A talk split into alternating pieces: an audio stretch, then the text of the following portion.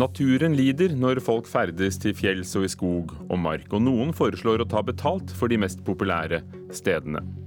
I ti år har Amazonasfondet bidratt til å bevare verdens største regnskog, men de siste årene har det gått feil vei, og i Brasil vokser også kritikken mot fondet. Og Irans ledere sier nei til å møte president Donald Trump. Dette er blant sakene her i Nyhetsmorgen i NRK. Velkommen, Ugo Fermariello, i studio i dag.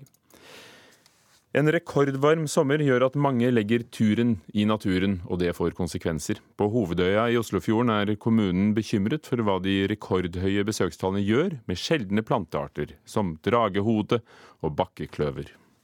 Det er en uh, tørr liten stakkar som uh, ja, muligens har greid å produsere et og annet frø i år. Det, men jeg tviler sterkt. Vi er på Hovedøya. Dette er et av naturområdene i Norge som denne sommeren har fått kjenne på trykket fra turistene, slik som bl.a. Lofoten, Geiranger og Preikestolen. Vaktmester Anders Tevik er bekymret over at folk går litt hvor de vil, uten å ta hensyn til det rike plantelivet.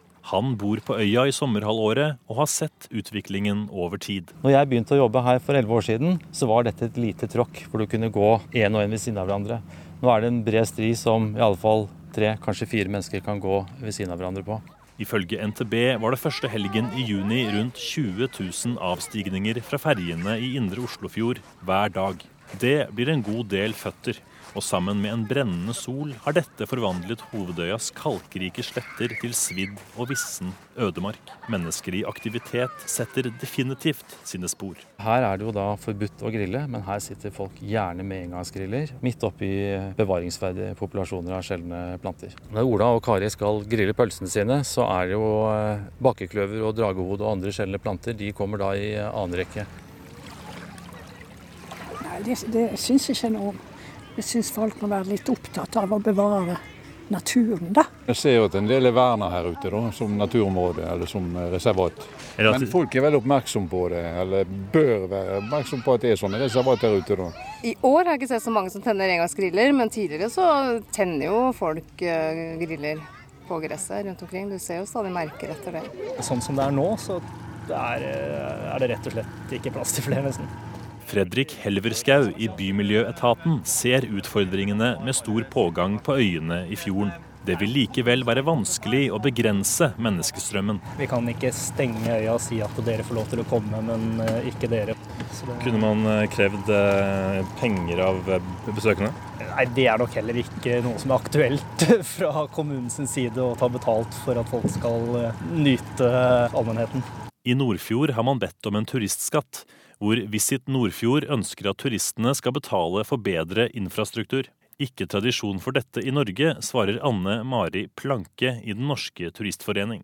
I Norge så har vi en, en allemannsrett som er viktig å ta vare på. Som sikrer oss retten til å ferdes ute. og Sammen med allemannsretten så er det også disse allemannspliktene som sier noe om hvordan vi skal oppføre oss ute. da. Og vi tror det er mye bedre å gå på å skape fortsatt gode holdninger, god kunnskap, god opplæring i forhold til hvordan det skal være, i, forhold, i stedet for å innføre betalingsløsninger og sånne ting. da. Vaktmester Tevik på Hovedøya ser helst at folk bruker de mindre skjøre øyene til aktiviteter som grilling og telting. Langøyene har, har, så vidt jeg eh, husker i farten, heller ingen verneområder eller eh, områder med fredet planteliv.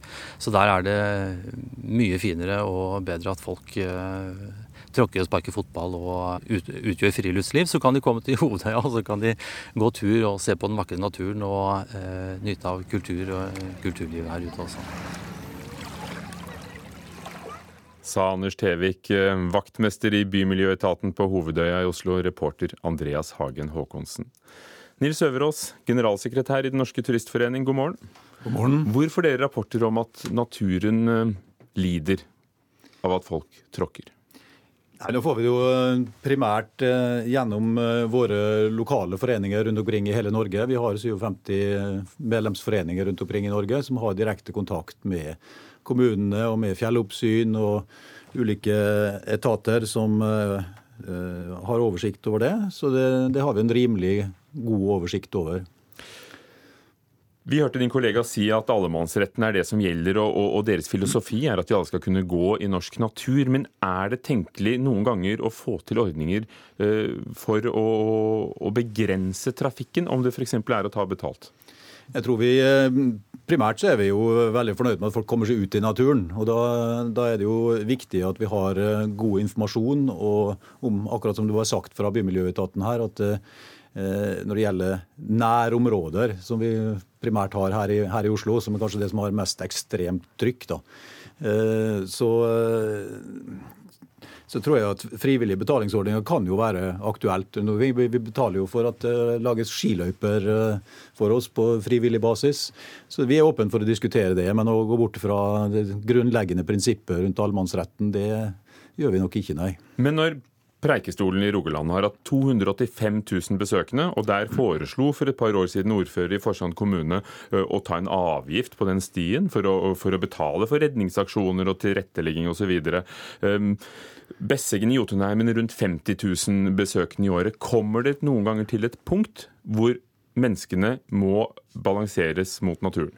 Det kan det nok gjøre, men det tror jeg ligger godt frem i tid. Hvis vi ser på Preikestolen, så har det jo vært ordninger der som har gjort at det har blitt godt regulert. og Der gikk jo myndighetene også inn med, med midler på, på, det som heter Nasjonal turiststi, nettopp for å tilrettelegge Eh, og Spillemidlene har vi jo muligheten til å bruke i forhold til å lage stiene til. Så det som ble gjort av eh, sherpaer og at det ble enklere å gå inn der, ble jo gjort med, med spillemidler. Og så har det jo vært et godt samarbeid med med reiselivet og de lokale aktørene der borte. Men er det til det gode for naturen å få enda flere folk opp dit, da? Eller, eller på andre det, steder? La oss si Besseggen. Jeg tror vi, vi, får se det at eh, noen, og da snakker jo myndighetene stort sett om en 10-15 steder i, i, Norge, som vi må akseptere at vi tilrettelegger på en, eh, på en god måte. Det kanaliserer jo trafikken ganske godt inn til Preikestolen, så det er jo en begrensa del av naturen i, i Rogaland som blir eh, blir berørt. Men, men det er Preikestolen. Dere markerer eh, stier over hele, hele landet med ja. rød T-er. Ja. Er, det, er, det, viktig å holde seg på den stien? Eh, hvilke råd skal vi følge eh, når vi går? Det er definitivt viktig at vi kanaliserer trafikken på de stiene som lages til, ja, for å belaste naturen minst mulig. Og der, der vil det naturlig nok variere fra nærområder, slik som vi hørte nå her i Oslofjorden, som bør Eh, håndteres ganske, ganske tight. Mens eh, jeg tror ikke, det er ikke noe menneskerett at skal, alle nordmenn skal komme på alle fjelltopper veldig enkelt. Så se for oss at vi skal lage sherpatrapper til alle Norges fjelltopper. Det, det, er en utopi som vi ikke vil se, nei. Vi er vant til pølsegrilling, engangsgriller etter hvert. Og å bruke naturen kunne vi vært strengere. Kunne det vært like strengt som i andre europeiske land hvor det er strengt forbudt med engangsgriller f.eks.? Jeg tror nok at uh, Det har vi jo for så vidt sett i sommer, da, når det har blitt eh, laga forbud på det. For det, der det har vært uh, ekstrem brannfare, det er nå én ting.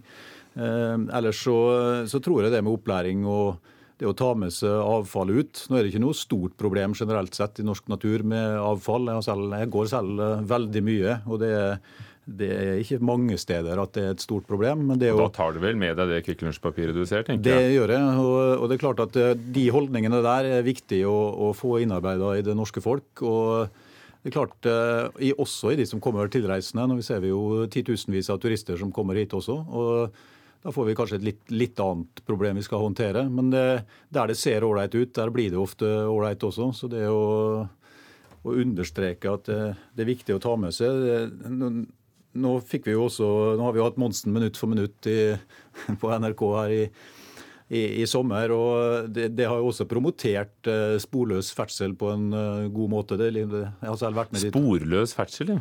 Og Det er jo det at det ikke skal ligge noe igjen etter det. Du skal... Uh, det er klart at Sånn som det har vært promotert av, av Monsen, det skal ikke være så mye som en fyrstikk som, som ligger tilbake. Og, og, det har de jo klart med et par hundre gående etter han. så og du var med og la ingen spor? Ikke noe annet enn de fotsporene som ble, som ble der. og det, det, var ikke lett å se at det hadde vært folk der heller etter der vi hadde gått. Uh, og får håpe det ikke lå en sjelden plante under det fotavtrykket. Nei, der lå det nok en sti, ja. Takk for at du satte spor i Nyhetsmorgen, Nils Øverås, generalsekretær i DNT, Turistforeningen.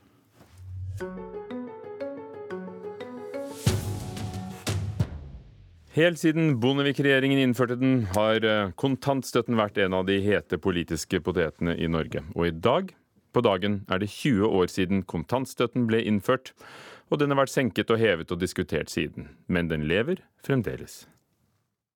Dette er en eh, historisk dag. Vi er blitt enige om et viktig familiepolitisk eh, tiltak som eh, innebærer en ny familiepolitisk linje. Vi skrur klokken 20 år tilbake. Kristelig Folkepartis Einar Stensnes har nettopp fortalt pressen at kontantstøtten har blitt vedtatt.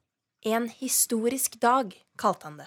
Men for Arbeiderpartiets talskvinne Grete Fossum var det liten grunn til å feire. Det kan godt være at, eh, at Arbeiderpartiet ses på som dårlige tapere, men det er vi ikke. Vi syns dette faktisk er et dårlig gjennomtenkt forslag. Og jeg er lei meg for at eh, politikken på en måte blir satt i miskreditt ved at man ikke gjør godt nok håndarbeide før man legger fram en sak. I sine barndomsår var kontantstøtten en debatt som skapte voldsomt engasjement. Der forkjemperne snakket om økt familietid og mindre barnefattigdom, snakket motstanderne om svekket likestilling og dårlig integrering. Ikke ulikt det partene fortsatt snakker om i dag. Arbeiderpartiet mener jo at eh, kontantstøtten har vist seg å være en likestillingsfelle, en eh, fattigdomsfelle og en integreringsfelle. Den holder ganske mange damer tilbake fra arbeidslivet når vi egentlig trenger å få dem ut i jobb, og så trenger gjerne ungene deres å få en barnehageplass. Nå har kontantstøtta eh, eksistert i 20 år. Og man har brukt eh, nesten 50 milliarder kroner på kontantstøtta. Arbeiderpartiet vil heller bruke disse pengene på å eh, drifte 10 000 flere barnehageplasser. Det ville det vært rom for hvert eneste år. Heller enn å bruke de på eh, utbetalinger i form av kontantstøtte. Sa Arbeiderpartiets Hadia Tajik til NRK i går. 20 år senere deler kontantstøtten fortsatt Stortinget. Og KrF står også på sitt. Det er ikke kvinnefiendtlig. Det er barnevennlig å få lov til å velge sjøl hva som er best for deres unger. KrF foreslo òg i forrige år i Stortinget at en skulle ha en norskopplæring sammen med det å få kontantstøtte. Det valgte flertallet i dette huset å si nei til. Og jeg tenker at vi har en mulighet til at en kan kreve norskopplæring samtidig som en mottar kontantstøtte, for nettopp å hindre innvandrerproblemstillingen som, som blir nevnt. Det sa Olaug Bollestad, nestleder i Kristelig Folkeparti til slutt, og reportere her var Farad Mangal og Selma Joner, som vi hørte i reportasjen. Nye innstramminger i bemanningsbransjen vil gjøre det vanskeligere å få folk ut i jobb. Det frykter Målfrid Bratt, daglig leder i Manpower-gruppen i Norge. Og det gjelder særlig de som kanskje har problemer med å få seg arbeid, sier hun.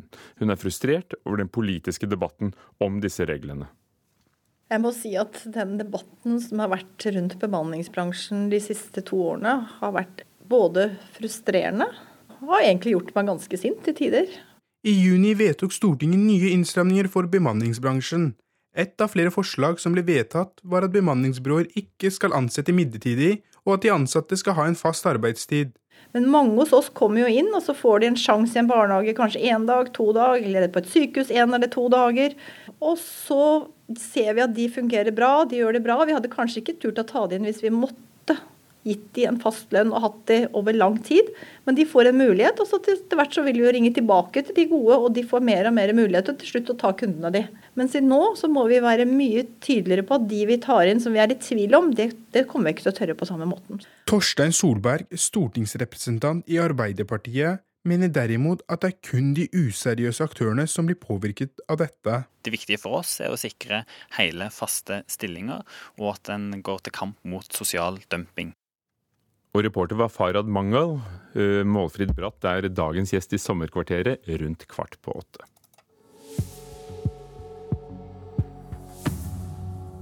Klokken er passert kvart over syv. Du hører på Nyhetsmorgen i NRK. Hovedsaker i dag.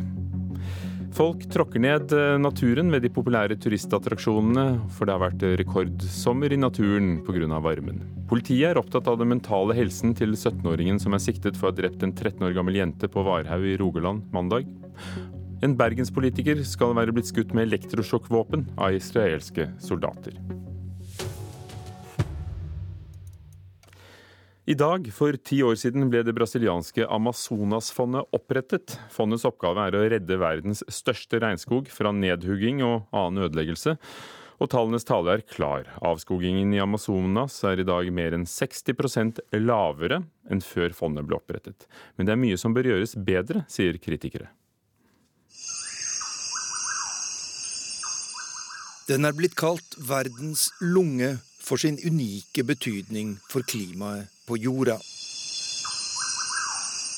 Amazonasjungelen er verdens største regnskog, 20 ganger større enn Norges landområde, og den strekker seg over ni land i Sør-Amerika. Den 1. august 2008 opprettet Brasils regjering et fond som skulle skaffe penger til arbeidet med å redde regnskogen, og prosjektet kunne knapt fått en bedre start. En drøy måned senere kom daværende statsminister Jens Stoltenberg til Brasil, og foran parlamentet i hovedstaden Brasilia kom han med følgende erklæring. Norge vil bidra med 1 milliard amerikanske dollar til Amazonasfondet, til vern av regnskogen i Amazonas. Og det vil vi gjøre fordi det er den måten vi kan få til de største, de raskeste og de billigste reduksjonene i utslippene av klimagasser. Og Norge har oppfylt sine forpliktelser, men ikke uten betingelser. For å få penger må brasilianske myndigheter dokumentere en nedgang i avskogingen, noe som har vært tilfellet de fleste av årene Amazonasfondet har vært i virksomhet. Totalt har avskogingen gått ned med mer enn 60% i tiårsperioden, men de siste årene har resultatene vært dårlige, og ekspertene er bekymret. Journalisten og forfatteren Arne Halvorsen kommer nå med bok om Amazonasfondet, og sier dette om utsiktene. Hvis man kommer til en avskogning på en 20-23% så er det eh, en fare for at eh, det er umulig å stoppe den avskogningen. Og at Amazonas rett og slett vil forvandles til en eh, savanne. Brasilianske medier har tidligere vært svært positive til Norge og den norske regnskogsatsingen, men Hydro-skandalen og andre norske aktiviteter i Brasil har endret dette bildet. Miljøveteran Lars Løvold er bekymret for den stemningen Hydro-saken har skapt i Brasil da kom det jo veldig mye hets i avisene, eh, som egentlig er ganske bekymringsfullt. For det trekker jo selvfølgelig også da hele regnskogsatsingen i tvil, som om den var en strategi for å få tilgang på ressurser. Jeg tror ikke den er det. Og reportere her var Arnt Stefansen. Atle Hamar, statssekretær i Klima- og miljødepartementet. Som vi hører Hydro-skandalen, der Hydro fikk en bot og halvert produksjon ved sitt eh, Hydro Alunorte-verk. Ehm, der er det ikke bevist at det er Hydro som har forurenset, men de har brutt miljøbestemmelser. Og hvorom allting er, vannet er forurenset. Kan en sak som dette ødelegge for regnskogsatsingen? Nei, altså Klimaskogsatsingen den eh, går som planlagt, og den går etter de avtaler man har med Brasil. Hydro-saken den eh, er en sak som Hydros ledelse og styre uh, følger opp, og jeg har full tillit til at de rydder opp i den saken sånn som de har sagt de skal gjøre. For når da lokale stemmer spekulerer i at dette med regnskogsatsingen er strategi for å få tilgang på ressurser, hvordan skal, skal Norge da møte den holdningen?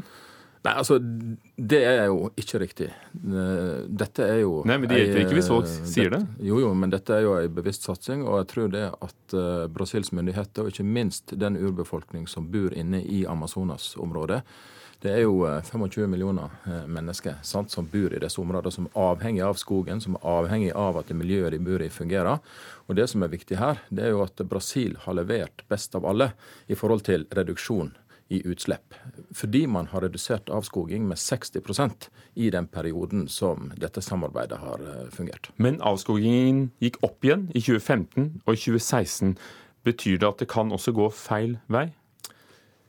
Avskogen gikk litt opp i 2015-2016. Det var resultat av at det var urolig politisk og økonomisk periode. I 2017 så er vi tilbake. Der er det en eh, bedre utvikling, signifikant bedre, sier de som jobber med prosjektet. Og vi ser jo det at uh, Amazonas uh, altså Det er jo et uh, det er jo en, et, omfang på regnskog. 30% av verdens regnskog fins i det området der. Og det er jo klart at De pengene vi har bidratt med gjennom Amazonasfondet, det har bidratt med en reduksjon i utslipp som er massive, som er store. Og det er veldig gode resultat i, i, i forhold til å nå klimamål med redusert avskoging og redusert utslipp. Og denne satsingen har da pågått i ti år. Til sammen har Norge gitt 7,7 milliarder kroner. Vi har eh, oppfylt dette eh, løftet på 1 million dollar eh, allerede i 2015. Hva skjer nå? Nå er samarbeidet utvida til 2020. Vi holder på å utvikle partnerskapet. Vi tar inn noen nye områder i forhold til dette med avskoging og det å sikre det. Vi innleder, altså vi registrerer private områder. Vi styrker miljøpolitiet som følger opp Eh, dette. Vi bidrar til lokalsamfunnsutvikling, lokaldemokratiutvikling, og vi støtter opp alle som kjemper for å bevare regnskogen i Amazonas. For noe av kritikken også fra miljøforkjemper eh, Lars Løvold, som vi hørte i, i reportasjen, og også tidligere, er at av, mange av pengene blir stående på bok. Milliarder blir stående på bok. De kommer ikke frem alltid til de små lokalbefolkningene. Burde Norge hatt en enda hardere hånd på rattet? Altså, Vi har en ganske bra oppfølging av dette. og en, altså, Midlene de når fram til områdene. De når fram til sivilsamfunnet. Så de gangene de blir stående på bok, Men, er det bare en forsinkelse? Det, da? i hele Klimaskogprosjektet så samarbeider vi med flere land, og det er jo, eh, det er jo områder der vi holder tilbake penger. F.eks. på Kongo, men det er en annen sak. Fordi at det der har det vært ulovlig. Ville det vært aktuelt i Brasil også? Det har ikke vært en aktuell problemstilling i Brasil så langt. Du sier samarbeidet med andre land, men altså til Amazonasfondet, som er brasiliansk, så bidrar Norge med over 90% og dette begynte da med Stoltenberg-regjeringen, og nå sitter du fra Venstre i en borgerlig regjering. Eh, hvorfor er det Norges, eh, Norges lodd å påta seg dette internasjonale ansvaret? Brasil er jo selv en veldig, veldig rikt land. Det er klart. det er klart. Brasil er et rikt land. Det er et rikt land på folk, det er et rikt land på ressurser, det er et rikt land på økonomi. Men det å bevare regnskogen var et initiativ det var tverrpolitisk enighet om nesten helt ut i Stortinget. Dette er noe som det er konsensus om at vi skal gjøre. Vi skal følge opp dette. Regnskogen er en fantastisk ressurs. Men hvorfor vet... Norge på vegne av det internasjonale samfunnet? For vi kunne jo tenkt oss at Norge fikk med seg andre i-land? Det kan en vel uh, si, men uh, Norge tok et valg med uh, Stoltenberg-regjeringen bak der i 2008, og dette har det vært enighet om å følge opp. Og når vi ser at dette har gitt resultat, når vi ser at dette har redusert utslippene massivt, eh, så vet vi at uten regnskoger på denne planeten, så fungerer ikke denne planeten lenger. Tror du som eh, norsk politiker at konsensusen vil holde fra høyre til venstre i, i Norge, nok til å fortsette til 2020, som du snakket om? Ja, den avtalen vi har inngått fram til 2020, den uh, har jeg god tro på vil uh, vedvare. Og så skal vi vel ta en evaluering av dette. Og så tror jeg faktisk at uh, innsatsen i forhold til å bevare regnskog er det stor enighet om videre framover. Takk skal du ha. Atle Hamar fra Venstre, statssekretær i Klima- og miljødepartementet.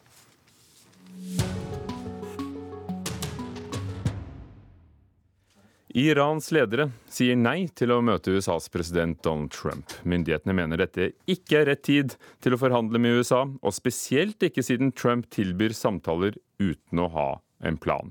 Det sier han jo selv. Denne måneden trår USAs nye sanksjoner mot Iran i kraft.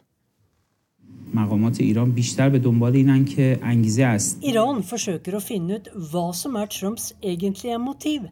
Er han virkelig interessert i en deal, eller er Trump-administrasjonens politikk å skape kaos, ustabilitet og økonomisk sammenbrudd i Iran? Jeg tror ikke de kan drive med begge deler samtidig, sier den iranske analytikeren og kommentatoren Masiar Aghazadeh til Associated Press. Talsmann for Irans utenriksdepartement Baram Kasemi sier Trumps tilbud om å forhandle står i sterk kontrast til USAs nye sanksjoner mot Iran og varslede straff mot land som handler med Iran. Igjen skaper Donald Trump forvirring, som da han først truet Nord-Korea med en ild og vrede de aldri hadde sett før, og ti måneder senere møtte Nord-Koreas diktator til et gemyttlig toppmøte i Singapore. Det er bare ti dager siden USAs president fyrte av følgende tweet i store bokstaver til president Rohani i Iran. Aldri, aldri true USA igjen, ellers vil du lide konsekvenser som få i historien noen gang har lidd. Vi er ikke lenger et land som vil tolerere dine vanvittige ord om vold og død. Vær forsiktig. President Hassan Rouhani har fått høre fra sine kritikere at han var naiv som stolte på USA da Iran undertegnet atomavtalen under president Obama i 2015. Om Rouhani hadde møtt president Trump, ville de begge ha skrevet historie. Det ville ha blitt det første møtet noensinne mellom en amerikansk president og presidenten for Den islamske republikken. Men i går takket Irans ledere nei. De stoler ikke på Donald Trump. Sanksjoner og press er akkurat det motsatte av dialog. Hvordan kan Trump overbevise den iranske nasjonen om at han er oppriktig, og at dette ikke er et forslag bare for å få oppmerksomhet om seg selv, spurte talsmann Baram Kasemi i går. Ali Motahari, som er visepresident i parlamentet, mener det vil være en ydmykelse å forhandle med Trump nå. Iranske politikere og analytikere mener at Trump først må bevise at han mener alvor, før det har noen hensikt å møtes. USA burde fryse de nye sanksjonene som etter planen skal tre i kraft i august, og deretter gå inn i samtaler med Iran. Iran på sin side kunne la være å kreve at USA kommer tilbake til atomavtalen, foreslår Masiara Ghazadeh, som er kommentator. Men her er det langt frem. Trump vil møte motbør på hjemmebane, og ikke minst er Saudi-Arabia og Israels statsminister sterkt imot noen form for tilnærming mellom Iran og USA. Sissel Wold, Istanbul. Hittil har mange ikke trodd på sol som energikilde nord i Norge, men nye tall fra Universitetet i Tromsø viser at jo, det er gode forhold for solenergi, og det skal vi bl.a. høre om i Nyhetsmorgen etter Dagsnytt. Produsent i dag er Munever Gildis, teknisk ansvarlig Hilde Tosterud. Nå er klokken straks halv åtte.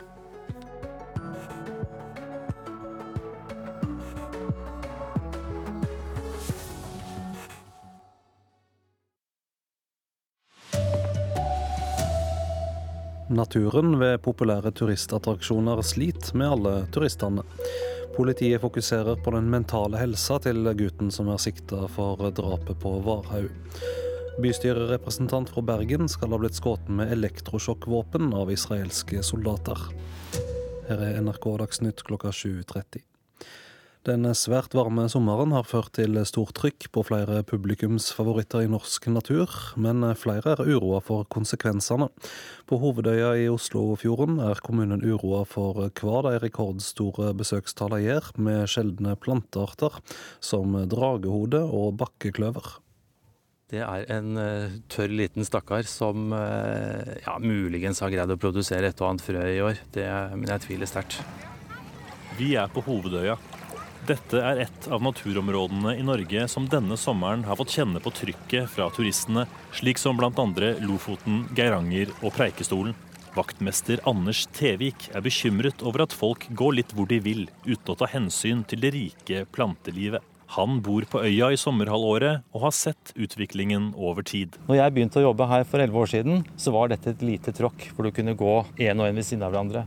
Nå er det en bred stri som i alle fall tre, kanskje fire mennesker kan gå ved siden av hverandre på. I Nordfjord har man bedt om en turistskatt, hvor Visit Nordfjord ønsker at turistene skal betale for bedre infrastruktur. Ikke tradisjon for dette i Norge, svarer Anne Mari Planke i Den norske turistforening. I Norge så har vi en, en allemannsrett som er viktig å ta vare på som sikrer oss retten til å ferdes ute. Og sammen med allemannsretten så er det også disse allemannspliktene som sier noe om hvordan vi skal oppføre oss ute. Da. Og Vi tror det er mye bedre å gå på å skape fortsatt gode holdninger, god kunnskap, god opplæring i forhold til hvordan det skal være, i stedet for å innføre betalingsløsninger og sånne ting. da. Reporter Andreas Hagen Håkonsen. Politiet er svært opptatt av den mentale helsa til 17-åringen som er sikta for drapet på 13 år gamle Sunniva Ødegård på Varhaug i Rogaland. Gutten ble i går varetektsfengsla i to uker med brev- og besøkskontroll. Den psykiske tilstanden hans ble vurdert av lege etter fengslingsmøtet, sier politiadvokat Herdis Traa. I denne type saker, en så alvorlig siktelse som drap, og når det gjelder en så ung gjerningsperson, så er det veldig viktig for politiet å ha fokus på psykisk helse. Og dette er det vi til nå vet om drapet. Søndag kveld er Sunniva Ødegård på besøk hos en venn i nabolaget.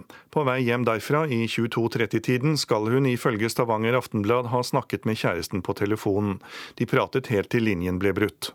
Avtalen var at 13-åringen skulle komme hjem fra vennen klokken 23 søndag. Da hun ikke kom hjem til avtalt tid, gikk faren ut for å lete etter henne.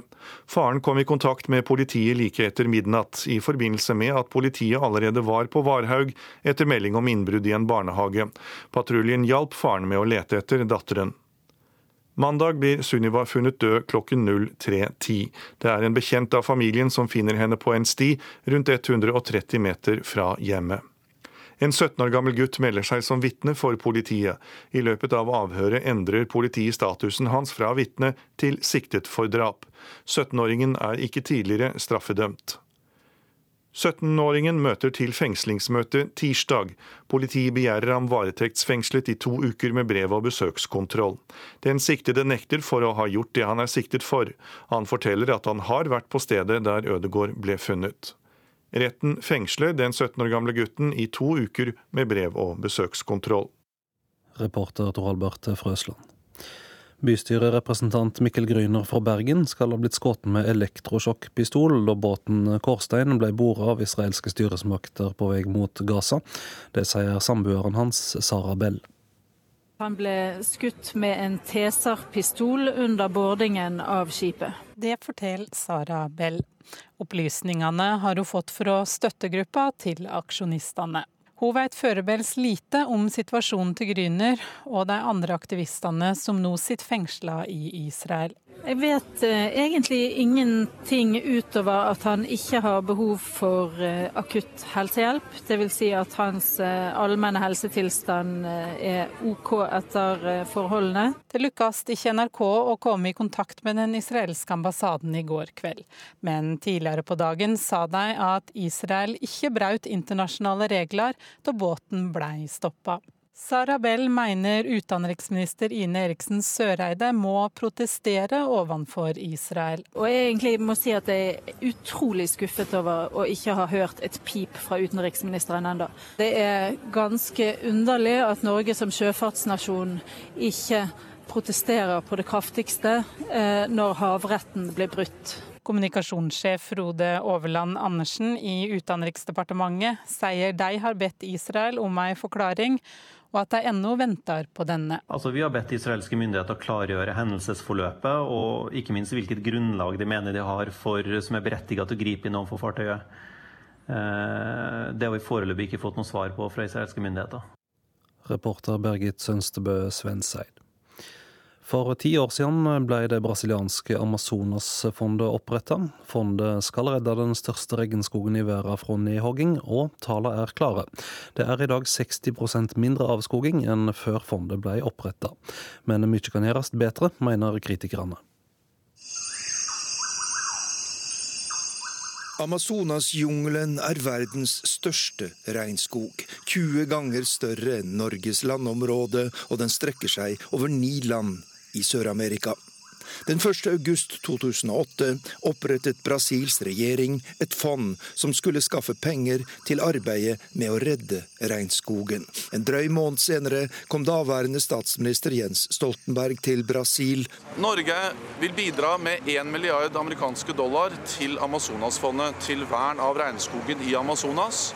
Og det vil vi gjøre fordi det er den måten vi kan få til de største de raskeste og de billigste reduksjonene i utslippene av klimagasser.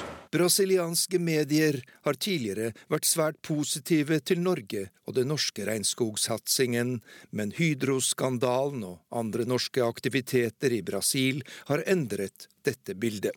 Miljøveteran Lars Løvold er bekymret for den stemningen Hydro-saken har skapt i Brasil da kom det jo veldig mye hets i avisene eh, som egentlig er ganske bekymringsfullt. For det trekker jo selvfølgelig også da hele regnskogsatsingen i tvil, som om den var en strategi for å få tilgang på ressurser. Jeg tror ikke den er det.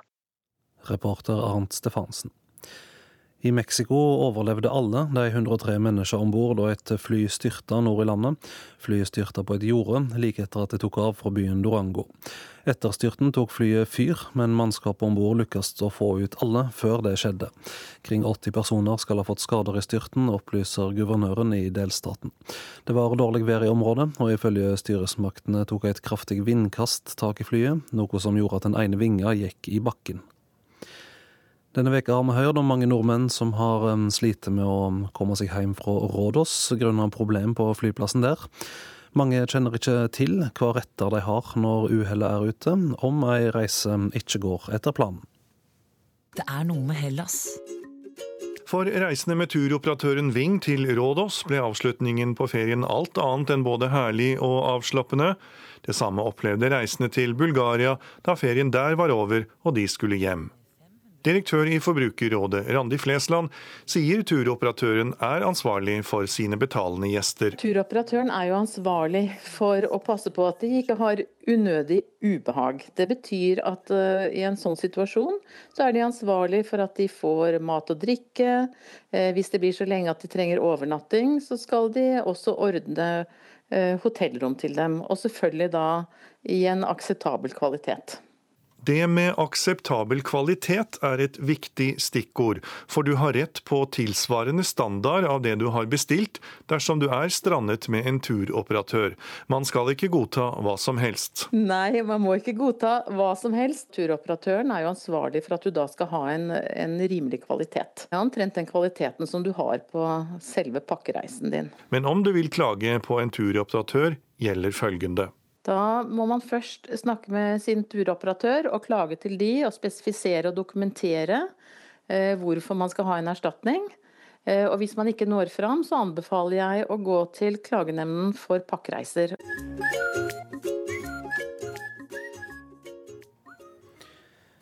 Og eh, reporter i innslaget var Tor Albert Frøsland. Ansvarlig for Dagsnytt-sendinga var Marianne Løkkevik. Her i studio, Vidar Eidhammer.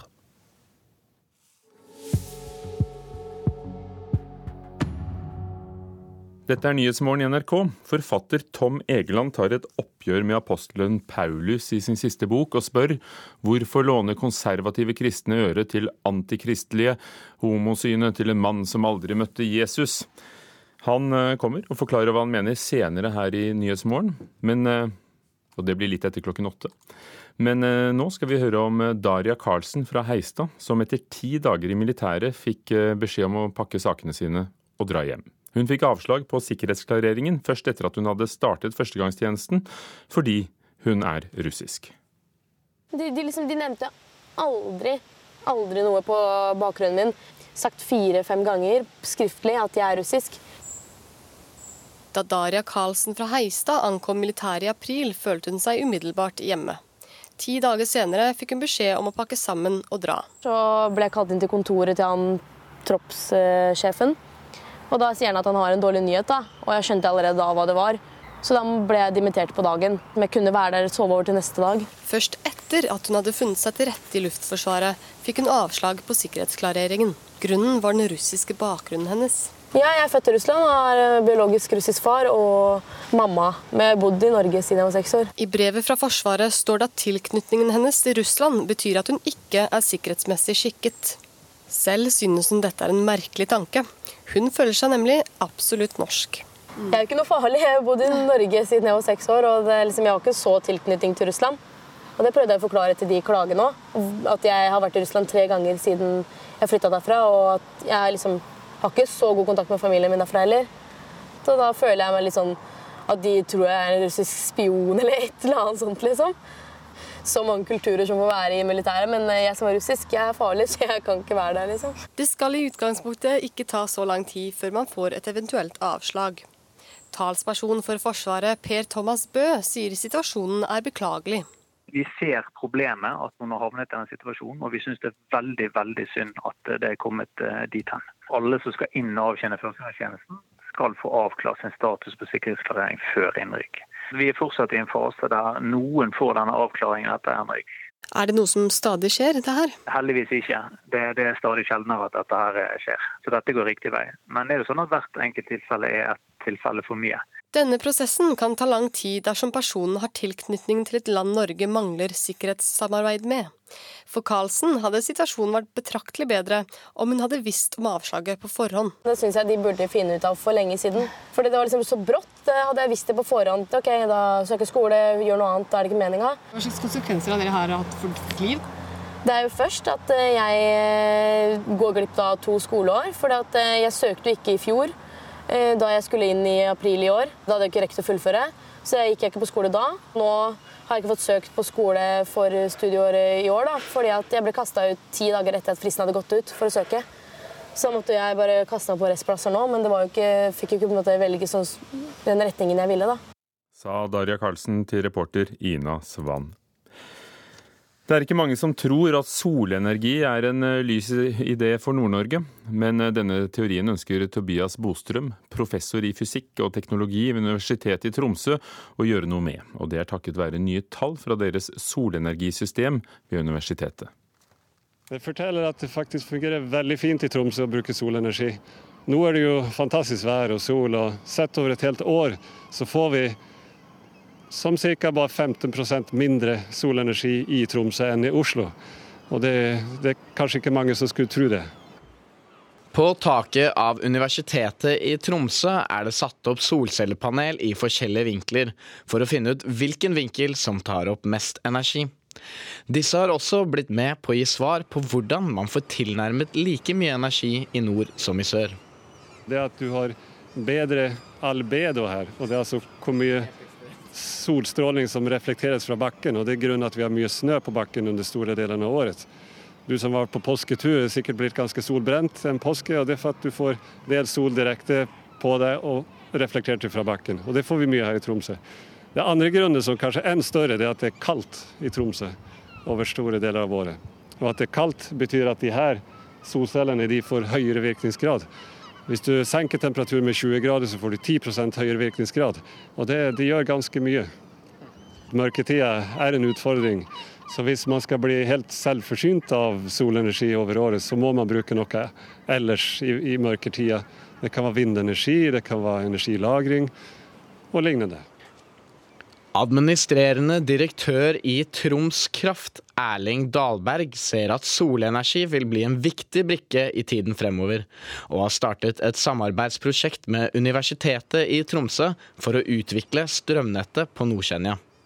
Det er, et, det er, et, pilotprosjekt eh, og mye forskning i, eh, i det prosjektet for å prøve å finne nye måter. Det prosjektet det handler om å eh, forsøke å finne bruksmåter og teknologier som gjør det at vi kan unngå å måtte investere helt nytt nett for alle våre kunder, nå når eh, alt skal elektrifiseres. Alt fra biltransport, tungtransport, busser, båter, fiskeriindustrien. Alt skal elektrifiseres. Og da er det nettet som ble bygd på 50-60-tallet, det er ikke sterkt nok for å kunne håndtere det. Så kanskje ved å bruke nye teknologier og nye, nye bruksmønstre, så kanskje vi kan redusere behovet for investeringer. Både Bostrøm og Dalberg mener det er vanskelig å være 100% selvforsynt av solenergistrøm året rundt, men at det kan gi gode fordeler å investere i solenergi. Og hvis du setter opp ja, som her 5-10 kW på taket ditt, eh, så, så, kan du forsyne store deler av energikonsumsjonen hjemme. Og minke på energiregningen, helt enkelt. Så langt er det ikke mange som bruker Troms Nett med solenergi. Men Dahlberg ser at det vil bli mer og mer populært. Men det vi ser eh, tydeligst nå, det er kundene som ønsker å sette solcellepanel på taket og bli det man kaller for prosumenter. Altså både produsent og, og eh, forbruker av, eh, av strøm. Da. Den, den strømmen som du produserer, vil du få betalt for for å levere inn i nettet. Så, så, du kan faktisk tjene penger på å ha solcelleanlegg på taket ditt, ja. Og reporter var Sindre Reinholt.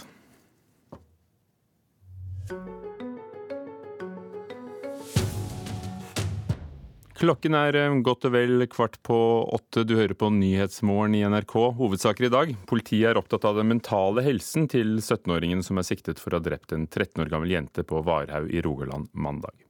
En bystyrerepresentant i Bergen skal ha blitt skutt med elektrosjokkpistol da båten han var om bord på, på vei til Gaza, ble boret av israelske soldater.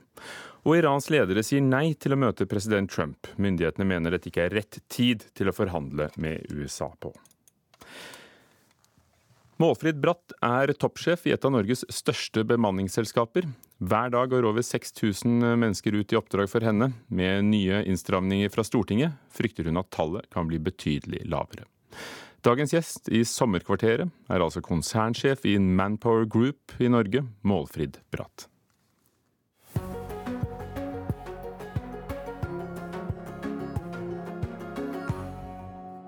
Eh, hvor lang ferie tar du? Nei, jeg prøver å ta meg tre uker sommerferie. Men eh, når du jobber i et amerikansk selskap, så er det en gang slik at da må du være på hele tiden. Men, eh, men jeg prøver å si at tre uker så er jeg borte fra kontoret her i Oslo. Sjekker du jobb-e-posten når du er på ferie? Jeg sjekker mailen min omtrent hver, hver, dag på, når jeg er på ferie. Og det er kanskje litt av det når du sitter som en leder, så må du faktisk følge med på hva som skjer. Spesielt når du jobber i et globalt selskap. Synes du det er greit å gå med shorts på jobb? det har vi faktisk hatt en ganske interessant diskusjon på her på kontoret nå når det har vært så varmt ute. Og så er jeg litt, litt sånn gammeldags, da. Så jeg har jo vært litt konservativ og sagt at nei, jeg syns ikke det er ålreit når gutta kommer med shorts på jobb. Og så har de sagt ja, men Målfrid, hvis de kommer i en pen shorts og med en pen overdel, er det ikke OK da? Og hvorfor er det greit når jentene kommer med et kort skjørt og gutta kommer i shorts? Så, så, jeg må kanskje moderere meg litt. Men det er et eller annet med det formelle rundt det å gå i shorts som jeg Jeg, jeg syns det viser at man ikke er formelle nok, da, men uh, uansett uh, hvor man uh, jobber, nesten. Men, men, jeg tror jeg begynner å bli moderert til at det kan være greit når det er varmt og, det, og du går i en pen shorts. Når vi snakker først om jobb, du sitter jo på toppen av dette selskapet. Mener du at du har makt her? Vet du hva, Ordet makt er det verste ordet jeg vet om. Så det er et ord jeg aldri bruker, og ikke liker heller. Så jeg tenker mer på at jeg har et ansvar. Eh, et, et morsomt ansvar. Men ordet makt, det, det syns jeg er veldig negativt lada. Det er et ord jeg ikke liker. Hvorfor det? Nei, Jeg syns makt det er det mye negativt over. Mens det som for meg er morsomt som leder å tenke på, det er at jeg, jeg, jeg, skal få med meg mennesker til å løse noen resultater og, og, være med å bidra til å få mange mennesker til å jobbe sammen. og det, det, ansvaret du har med både å få økonomi, få menneskene til å fungere, få oss til å lykkes i markedet, det er et ansvar jeg føler på. Men, det, men fra derfra å si at man har makt, det, det, er, det er to veldig forskjellige ting for meg. Eh, men er du glad i ansvar, da? Ja, jeg syns alltid det er morsomt å ha ansvar. Og jeg sier jo noen ganger at når man eh, til yngre damer som jeg skal prøve å lokke ut på å si at de må ta seg større lederansvar, så sier jeg at det der å ha ansvar, det er veldig morsomt. Så jeg syns det er gøy å ha ansvar. Eh, det må jeg si. Det syns jeg er gøy. Hvordan føles det å ha så mye ansvar som du har? Noen ganger så kan du tenke at uff, hva er det man har tatt på seg her, er det, er det mer enn du klarer? Mens andre ganger så tenker jeg at dette er uh, dette er morsomt. Det, det, å få en stor organisasjon til å fungere, få mange ulike mennesker til å jobbe sammen, det å se om du får gode team til å fungere sammen, det å fungere ut mot en internasjonal organisasjon. Eh, jeg vil si at det, det er morsomt, og, og, det er spennende, og det er utfordrende. Målfrid Bratt sitter høyt oppe i en bygning i Oslo sentrum. I snart ti år har hun vært konsernsjef i det amerikanskeide bemanningsselskapet Manpower-gruppen Norge, som har flere datterselskaper her i landet. Hun har flere gode råd til unge som sliter å komme seg inn i arbeidsmarkedet. Tror ikke i dag at vi er i én en eneste næring hvor ikke kompetanseendring går utrolig fort. Altså vi må Hele tiden så går kompetansen vår ut på dato. Eh, og Vi sier jo i dag at ca. 65% av de som begynner på barneskolen, de skal begynne i en jobb som ikke finnes i dag. Og Med det perspektivet så blir det så utrolig viktig at vi har en kultur som gjør at endring er det normale. Eh, og det er lett å si, for vi mennesker vi liker egentlig ikke å endre oss før vi først har endret oss, så ser vi at det går. Men det å hele tiden sørge for at vi har livslang læring, og kanskje vi må skifte karrierer underveis, det tror jeg vi kommer til å se mer og mer av. Og en utdannelse det er bare en inngangsport til arbeidslivet. Men gjennom arbeidslivet så har også vi som mennesker et selvstendig ansvar. Det er ikke bare arbeidsgiver. Men jeg tror det er vel så viktig at vi som enkeltindivider tenker at får jeg nå den kompetanseutviklingen jeg trenger her? Hvis ikke jeg gjør det, så må jeg faktisk bytte på meg. Et, finne et annet sted å jobbe. Eller så må vi etterspørre og sørge for også selv at vi får kompetansepåfyll, sånn at vi, vi er hele tiden på godt norsk employable. At vi er relevante for arbeidslivet. Og det kravet tror jeg bare blir større. Vi skal jobbe til vi i hvert fall er 70 år. Og da å tro at er, den kompetansen man har når man er 25 er den samme som man trenger når man er 65, det, det, er naivt. Så da gjelder det ikke å vente til man er 60 for så påfyll. Da må man hele tiden tenke på kontinuerlig læring, og det må både bedriften legge til rette for. Men også vi som enkeltindivider må ta et mye større ansvar for å sørge for at vi får kompetansepåfyll og kompetanseutvikling. Og på spørsmål om hun har nådd toppen eller strever fortsatt etter noe mer, svarer hun jeg må innrømme at jeg har egentlig aldri hatt et mål om hvor jeg skal i forhold til jobb. Jeg har alltid tenkt sånn at jeg skal ha en jobb som jeg syns er spennende. Og så skal jeg gjøre en så god jobb som overhodet mulig der jeg er. Og så byr det seg muligheter eh, når tiden er inne for det.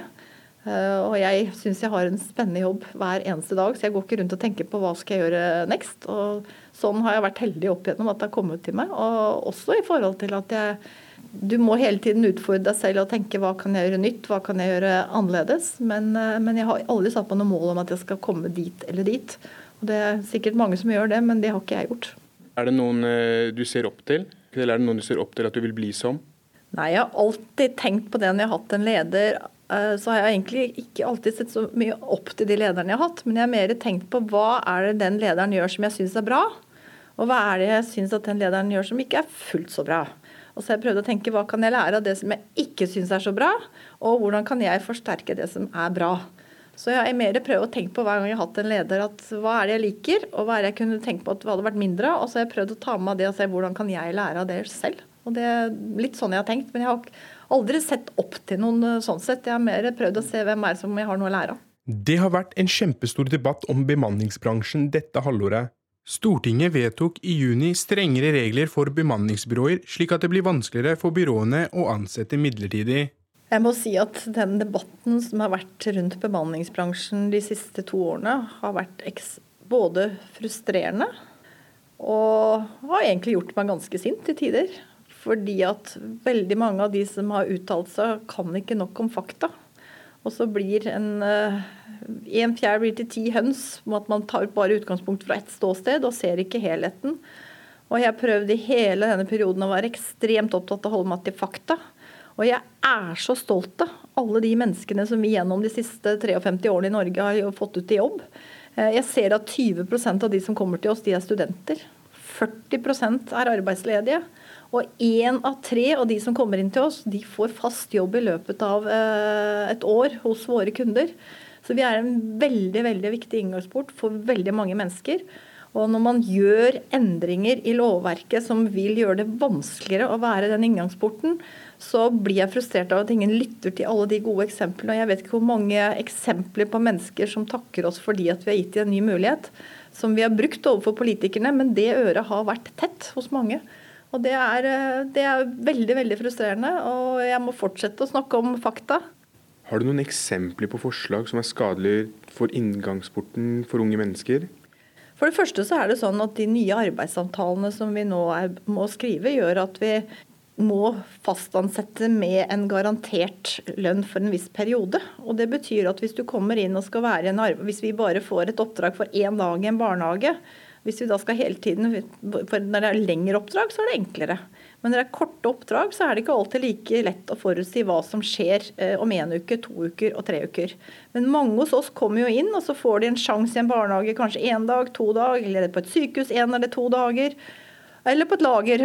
Og så ser vi at de fungerer bra, de gjør det bra. Vi hadde kanskje ikke turt å ta det inn hvis vi måtte gitt de en fast lønn og hatt det over lang tid. Men de får en mulighet, og så til hvert så vil vi jo ringe tilbake til de gode, og de får mer og mer muligheter til slutt å ta kundene de. Og det er jo bra. Men siden nå så må vi være mye tydeligere på at de vi tar inn som vi er i tvil om, det, det kommer vi ikke til å tørre på samme måten. Så det er kanskje den, den viktigste endringen. Og så er det dette med at Eh, at fra at man har hatt lokale tariffbestemmelser når man har behov for å leie ut noe mer enn bare ren midlertidighet, så kunne man hatt lokale avtaler med, med fag, sine fagorganiserte. I dag så stilles det krav til at man har landsdekkende tariffavtale. Og det er også eh, et krav som for mindre og små, så først og fremst små og mellomstore bedrifter vil være en utfordring når sånne krav eh, kommer. Så det er kanskje de to tøffeste utfordringene. Men vi som en stor aktør vil jo uansett klare å hjelpe kundene våre. Og vi vil jo da tenke må tenke nytt annerledes. Men, eh, men, det at vi ikke da kan hjelpe de som kanskje er litt sånn vi er i tvil på, på i forhold til CV-en, de vil få den største utfordringen. Mens de som er trygge de, og har en god CV, de vil fortsatt ha samme muligheter som før. Og på spørsmål om hvilken politiker Målfrid Bratt kunne tenkt å tatt seg en prat med rundt dette, sliter ikke den kvinnelige konsernsjefen med å komme på noe navn.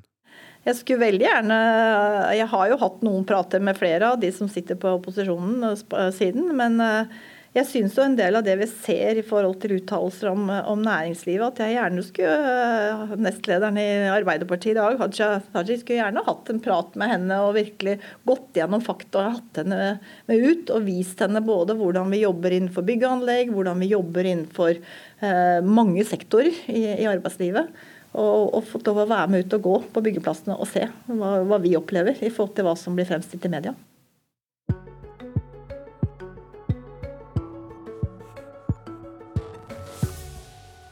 Og det var Farad Mangal som intervjuet konsernsjef i Manpower-gruppen Målfrid Bratt i sommerkvarteret i dag. I dag begynner sommerens vakreste eventyr for noen. Ungdommene i AUF og Unge Høyre samler seg, og vi skal møte Mani Hosseini som leder årets AUF-leir med tema Utøya, din egen øy, mens Sandra Bruflot fra Unge Høyre samler sine på Hove utenfor Arendal. Og der gleder alle seg til de forskjellige partilederne kommer og er eh, trekkplasteret for sommerens leire. Hva driver ungdomspolitikerne, og hva skiller dem fra moderpartiene? Det er noe av det vi snakker om i Nyhetsmorgen eh, etter klokken åtte. Aller først er det Dagsnytt.